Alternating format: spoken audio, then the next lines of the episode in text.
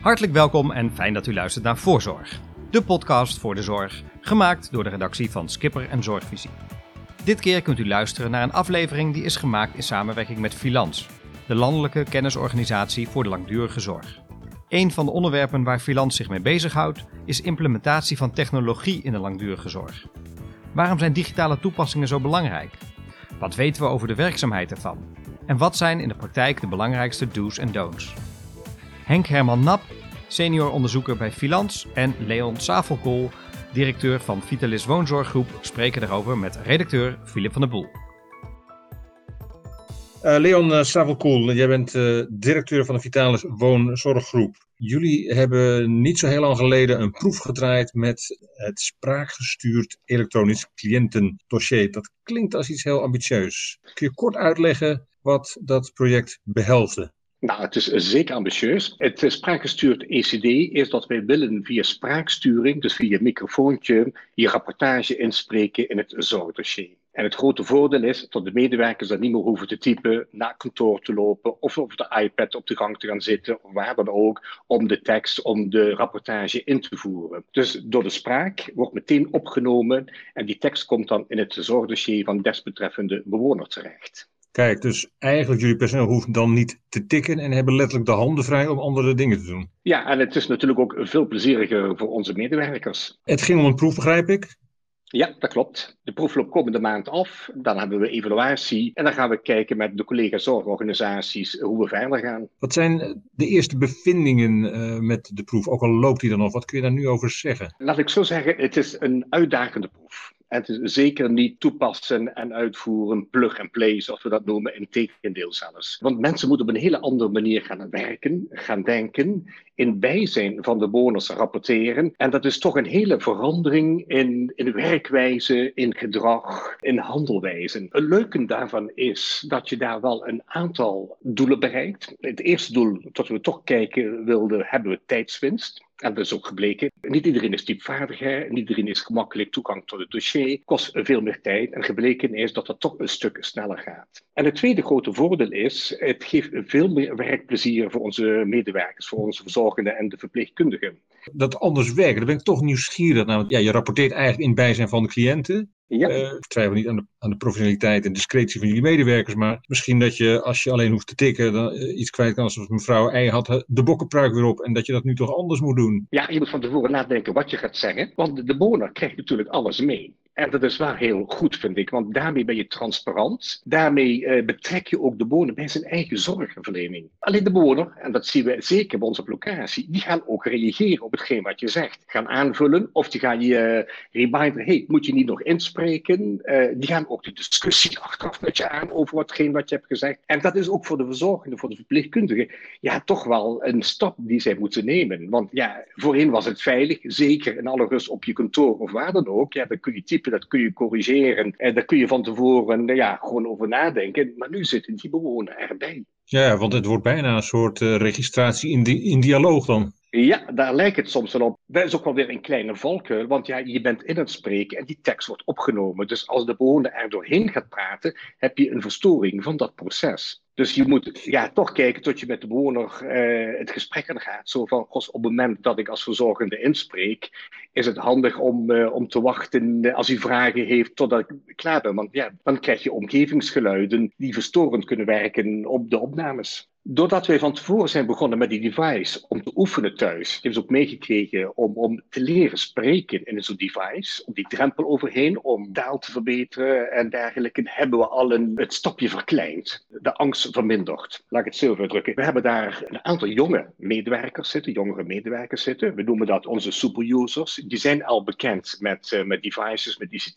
Die hebben we ook als uh, superuser gebruikt. We hebben bijvoorbeeld binnen onze organisatie, iedereen die komt werken bij Vitalis, krijgt een smartphone van het werk met een aantal applicaties die werkgebonden zijn. Dat is gewoon voor iedereen die hier is. Dus men is al voor een deel gewerkt om het, gewend om met die smartphone te werken. Men is al gewend om die iPad. Alleen hier ga je weer een stap verder. Nou, door die karttrekkers die ontzettend enthousiast zijn, die trekken daar ook zijn heel team mee. Die helpen ook en die instrueren ook binnen het team hun collega's die daar ja, wat meer koudwatervrees hebben. En hoe voelen de cliënten ernaast? Hoe reageerden die? Ja, hartstikke sympathiek, hartstikke leuk. Want die krijgen gewoon mee wat gezegd wordt. Ze aanvaren meer openheid, meer transparantie, want het gaat om hun. En dat vinden ze ook heel leuk. En die gaan mee in het proces, worden onderdeel daarvan. Nou, als ik het goed begrijp, wordt dat registreren bijna een soort onderdeel van het zorgproces. Ja, het klinkt wat gewichtig misschien, maar... Ja, het, weet je, dus je krijgt veel meer participatie van je eigen bewoner waar het om gaat. En het gaat om hun zorgverlening. En wat wij ook zien is dat die kwaliteit van de rapportage ook verbeterd is ten opzichte van de schriftelijke rapportage die we voorheen hadden. En dit zijn natuurlijk allemaal uh, positieve punten die je nu meldt. Er zijn ongetwijfeld hobbels geweest. Uh, de nodige, een heleboel zelfs. Laat ik beginnen. Het is geen geëffend pad. Het is echt vallen en opstaan en soms meer vallen dan opstaan. En de weg van de lange adem. Dat heeft te maken met verschillende factoren. A, de technische factor. Want ja, we moesten werken met een bypass, met die app. Op dit moment in de pilot is het niet rechtstreeks mogelijk om de gesproken tekst meteen in het zorgdossier. Dus er is een app voor uh, ontwikkeld. En die app die kunnen we dan uh, openen en dan zien we de tekst. En die moeten we dan knippen en plakken om in het zorgdossier te zetten. Nou, die app moet ook weer synchroniseren met je zorgdossier. Die hebt te maken met de juridische aspecten, zoals de overeenkomst, de AVG, de privacywet. Die hebt te maken met je wifi-infrastructuur, die niet overal optimaal is. En als die niet goed is,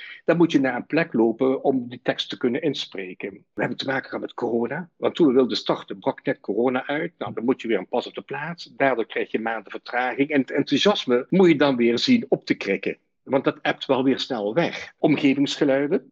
Want ja, op het moment dat er een telefoon gaat, op het moment dat een bewoner gaat spreken, op het moment dat de deurbel gaat of whatever, dat wordt uh, opgenomen. Het dialect in Limburg.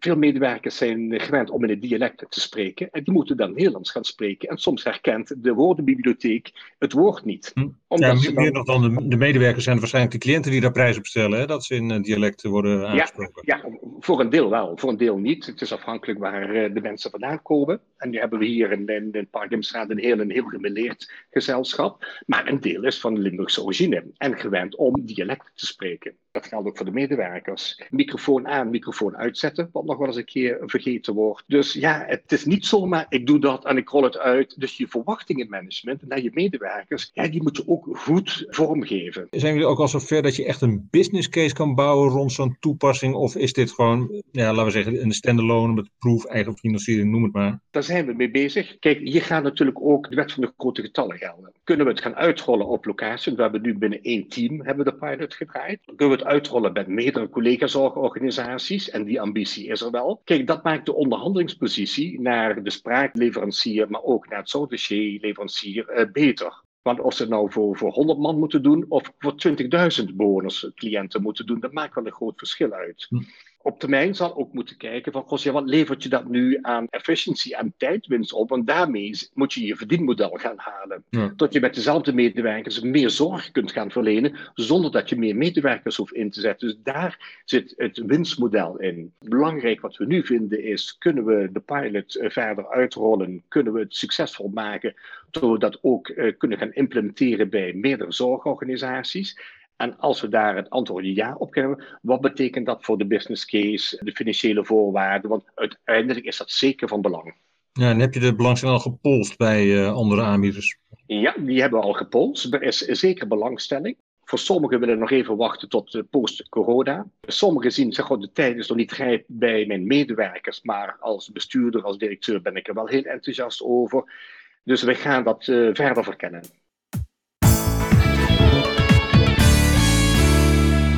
Ja, ik zal me even voorstellen. Henk Herman Nap. Ik ben senior onderzoeker bij Filans. Nieuwe technologie, dat is zeg maar jouw kindje als onderzoeker. Eh, waarom uh, moeten we meer gaan doen met nieuwe technologie in uh, de langdurige zorg? Ja, er zijn natuurlijk uh, meerdere uitdagingen eigenlijk voor de toekomst. Hè. We, we, zitten natuurlijk met een, een, een dubbele vergrijzing. Uh, mensen worden steeds ouder, krijgen ook steeds meer ouderen in, in Europa en de wereld. Daarnaast zien we dat uh, we steeds minder jongeren krijgen. Dus een inbalans. Uh, en dat zie je eigenlijk ook wel terug in het aantal verpleegkundigen wat we hebben in de langdurende zorg. Dus we hebben eigenlijk een steeds groter tekort. Dus we moeten wel gaan werken met technologie. We moeten gaan an anders gaan werken met inzet van technologie. En je zou bijna kunnen zeggen, we, we zijn al, eh, al te laat, hè? Het, het, is, het is vijf voor twaalf. Uh, maar goed, we proberen nu ook zeker wel een inhaalslag te maken. En ik zie ook wel positieve ontwikkelingen. Ook wel in de financiering en de uptake hm. van uh, zorgtechnologie in de langdurende zorg. dus, maar goed, er is, er is nog veel werk aan de winkel. Ja, maar is het nou pure noodzaak of, of wordt de zorg ook beter van als we meer technologie gaan toepassen? aan de ene kant is het, is, is het zeker een noodzaak. We, we, moeten wel. Maar aan de andere kant zie je dat technologie inderdaad ook de kwaliteit van zorg kan vergroten. We zien bijvoorbeeld dat bepaalde technologieën heel goed zijn in vroegdetectie. Uh, door gebruik te maken van verschillende databronnen, heel veel data, big data. We zien ook zelflerende systemen bijvoorbeeld die gebruik maken van artificial intelligence, die ja, de mens, de, zorgprofessional kunnen ondersteunen in hun werk. dus zo zijn er verschillende technologieën eigenlijk die ja, die zorg, het zorgproces kunnen verbeteren kwaliteit van zorg kunnen vergroten. Doordat ze gewoon uh, of meer gebruik kunnen maken van data. Uh, doordat ze bijvoorbeeld kunnen monitoren op momenten dat wij niet kunnen monitoren. Nou, zo zijn er allerlei uh, voordelen van verschillende type technologieën. Dat is een beetje de rationale vaak hè, die gehanteerd wordt van door de inzet van techniek heeft dat personeel uiteindelijk meer tijd en ruimte over voor het warm menselijke contact, omdat de techniek een aantal van die andere taken uit handen heeft genomen. Ja, dat, dat, dat, zien we zeker terug. dus we, zien dat ook in een aantal implementatietrajecten nu dat we zien dat dankzij de inzet van technologie de zorgprofessionals tijd overhouden zeg maar, voor andere taken. En dat kan inderdaad onder andere zijn dat je zegt van nou goed, dan gaan we uh, het gesprek een keer aan met een, uh, met een cliënt. Uh, dan hebben we meer tijd voor, voor, voor, wellicht de, de chit-chat en, en het warme contact.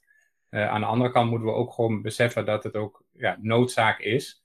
en dat je ook um, die tijd echt nodig hebt om ja, de, de, de, de toename in het aantal cliënten hm. Ehm, te kunnen verzorgen.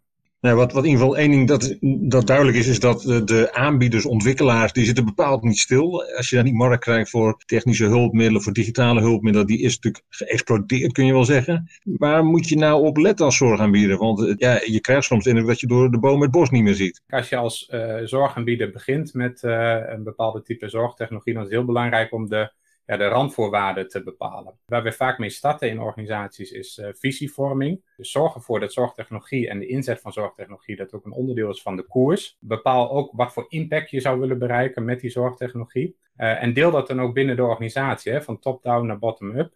En het is heel belangrijk dat het bestuur uh, daar ook achter staat om de organisatie daarin mee te krijgen. Dus tot de werkvloer. Wat ook belangrijk is, is dat je dan binnen de organisaties eigenlijk alle stakeholders ook betrekt. Uh, dus de verschillende doelgroepen, zoals huisvesting, ICT, uh, eh, zorg, noem maar op, uh, in die visievorming. ja, als, als Filant supporten we daar ook in. En wat dan ook een hele belangrijke volgende stap is, is dat je eigenlijk werkt aan awareness. Dus zorg ervoor dat er awareness is binnen de organisatie, ook op de werkvloer, van wat je wil gaan bereiken met die technologie, wat voor type technologieën er zijn, waarom je dat eigenlijk doet, welke impact je ook verwacht. dus eigenlijk om die visie ook goed te laten landen. Ja, waar, waar, passen de, de cliënten in dit verhaal? Hè? Want het is natuurlijk, we hebben het over langdurige zorg. Het gaat over cliënten die vaak op enige wijze een beperking hebben. Uh, maakt dat het werken met, met technologie makkelijker of, of juist lastiger? In principe, het, het, het zou het makkelijker moeten maken. Uh, als die technologie ook van meerwaarde is voor die, uh, voor die cliënt. Het is natuurlijk zo dat cliënten met beperkingen je hebt natuurlijk ook eigenlijk de meeste baat bij uh, bepaalde type zorgtechnologieën, hè, omdat het ondersteunend is. Ja, houd dan wel rekening altijd met verschillende beperkingen uh, van cliënten. Uh, dus ook bijvoorbeeld in het ontwerp, maar ook als je gaat implementeren. Kunnen visuele beperkingen zijn, cognitieve, auditieve beperkingen. Dus juist in dat ontwerp, in die ontwikkeling, moet je daar wel rekening mee houden. want anders krijg je namelijk technologie dat niet goed aansluit bij hun mogelijkheden, hun wensen. Dus heel belangrijk om wel ook in die ontwerpfase, in die beginnende fase, uh, die cliënt daarin mee te krijgen in co-creatie. Het is trouwens niet, niet altijd een, een, een eenvoudige. Uh, dat merken wij zelf ook in, in onderzoek wat wij doen uh, en in design. dus, dus het meekrijgen van bepaalde doelgroepen in het ontwerp, zoals mensen met dementie bijvoorbeeld. Hm. ja, daar moet je toch echt wel aandacht aan besteden. ook in de manier waarop je ervaringen zeg maar ophaalt. Helder het personeel. Uh, ik las laatst een onderzoek uh, waar ik getal, getal aantrof van 30% van uh, zorgpersoneel dat nog niet digivaardig zou zijn. Hoe krijg je zorgpersoneel mee in deze ontwikkeling? Ja, eigenlijk begint dat natuurlijk in de opleidingen. Hè? En ik denk dat daar echt nog wel een inhaalslag te maken is. dus wij zijn nu ook in, betrokken als freelance met verschillende initiatieven, waaronder ook digivaardigheden in de zorg. waar ook hogescholen trouwens aan meedoen gaan kijken van nou, hoe, hoe, kunnen we sowieso alvast in de opleiding de nieuwe verpleegkundigen zo opleiden dat ze eh, de meerwaarde ook inzien van zorgtechnologie, dat ze weten hoe je het gebruikt, waarvoor het gebruikt wordt, uh, hoe je cliënten zeg maar ook uh, daarin betrekt in dat proces. maar ook scholing binnen de organisaties nu. Dus en, en het stukje train trainer hè, zijn we veel mee bezig. Dat je mensen binnen een organisatie traint wat verschillende technologieën kunnen betekenen, hoe ze werken wat de meerwaarde is en dat zij dat ook weer binnen de organisatie uh, kunnen laten doorvloeien. Nou, dan heb ik een uh, schitterende uh, toepassing gekocht en dat is een waarschijnlijk substantiële investering geweest. En vervolgens wil ik een aantal andere dingen, zegt de leverancier, dat is goed, maar dat kost je nog weer extra. Bedoel, hoe, hoe voorkom je nou dat je met handen en voeten gebonden bent aan zo'n leverancier? Waar ik een, een groot voorstander van ben, uh, is een stukje open innovatie. Ik ben uh, geen voorstander van zeg maar, de, de langdurige contracten met, met één leverancier. Maar als een organisatie aan de slag gaat met uh, zorgtechnologie, het is goed verankerd in die, ehm, die visie, de, de, de, randvoorwaarden zijn helder, ook qua financiering. Dan is een volgende mooie stap om te gaan kijken, oké, we gaan werken met bepaalde productgroepen die we willen inzetten binnen onze organisatie. En dan hebben we het nog niet over specifieke leveranciers, maar er kunnen productgroepen zijn bijvoorbeeld voor eh, valimpactreductie, voor eh, monitoring, ehm, eh, ondersteunen van sociaal contact bijvoorbeeld. en dan gaan we kijken van, nou goed, welke aanbieders, welke leveranciers hebben een goede match met wat wij willen bereiken qua doelstellingen. en daarmee ga je voorzichtig aan de slag. En dan eigenlijk in kleine experimentjes gaat uitproberen met cliënten, met ook zorgprofessionals, of het, of het een match kan zijn. Zonder dat je inderdaad een, een, een aangaat van meerdere jaren. Eh, maar op die manier samen met die eh, leverancier ontwikkeld. En het mooie is ook als je dat doet, is dat eigenlijk die producten ook weer verbeterd worden door eh, de input vanuit de organisatie. Hè? Want het kan best zijn dat het bepaald stukje geen match heeft. Maar goed, dat kun je ook weer teruggeven aan leveranciers. En leveranciers zijn natuurlijk ook zeer bereidwillig om dan weer hun product daarop aan te passen. Ja, en het kan natuurlijk ook zijn in de reis uh, dat uiteindelijk blijkt dat er een, een, nieuwe leverancier komt die nog weer beter past bij, jou, bij jouw organisatie. Ga ook verder kijken dan wat er voor, voorhanden is. Tezelfde tijd kan ik me voorstellen dat dat ook weer een, gevaar is. Wat je natuurlijk ook niet wil als aanbieder, is dat je met een lappendeken van systemen en applicaties zitten die, die eigenlijk niet met elkaar praten. Hoe ver zijn we nou met dat hele verhaal van interconnectiviteit? Zo'n zo, zo, tien jaar geleden was die uh, interoperabiliteit was echt een issue. Uh, er zijn ook uh, op Europees niveau zijn er veel trajecten geweest om te kijken, kunnen we naar een universele taal eigenlijk gaan?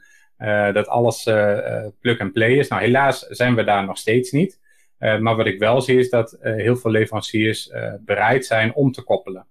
Uh, dus veel van de toepassingen, ook bijvoorbeeld in de thuiszorgtechnologie, als je het hebt over leefstijlmonitoring, uh, het beeldbellen, de sociale platforms, uh, maar ook bijvoorbeeld GPS-watches, GPS-tracking, is dat je ziet dat die leveranciers elkaar opzoeken en werken aan die interconnectiviteit. Want het is namelijk een voorwaarde voor verdere opschaling. Want als je kijkt naar ehm, zorgpersoneel, ze hebben namelijk niet de bandbreedte om verschillende systemen te gebruiken. Dat heb je gewoon niet. Het, het werk, de werkdruk is al hoog genoeg. Je wil gewoon één systeem waarin in principe alles ingeprikt is.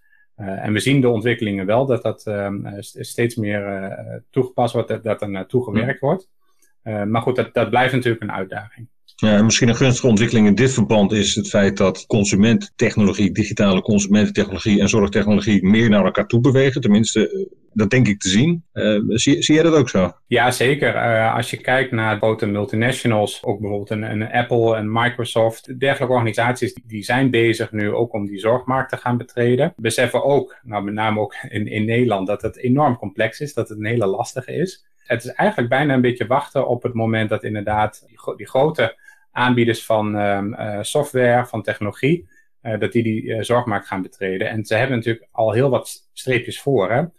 want als je kijkt bijvoorbeeld naar persoonlijke data en het inzicht hebben in, in wensen, behoeften, gezondheid van mensen, dan zijn juist de Apples en, en de Facebooks, dat zijn de partijen die al een heel goed beeld hebben van jou ja, je zou kunnen zeggen van goed, het, het zou de zorg kunnen verrijken hè, als dergelijke mm uh, grote multinationals die zorgmarkt gaan betreden. Aan de andere kant ja, is, is, zien we natuurlijk ook, zijn we ook een beetje angstig daarvoor, uh, omdat ze al zoveel weten en wat doen ze met die data en hoe wordt dat straks weer gekoppeld eventueel aan bijvoorbeeld een, een, een zorgverzekering. Tot zover deze aflevering van Voorzorg, die tot stand kwam in samenwerking met Filans. De muziek die u hoort is verzorgd door Bram Brouwers, de montage was in handen van mijzelf en mijn naam is Sietse Wilman. Door u te abonneren hoeft u geen aflevering van deze podcast te missen. Voor nu, hartelijk dank voor het luisteren en heel graag tot de volgende voorzorg.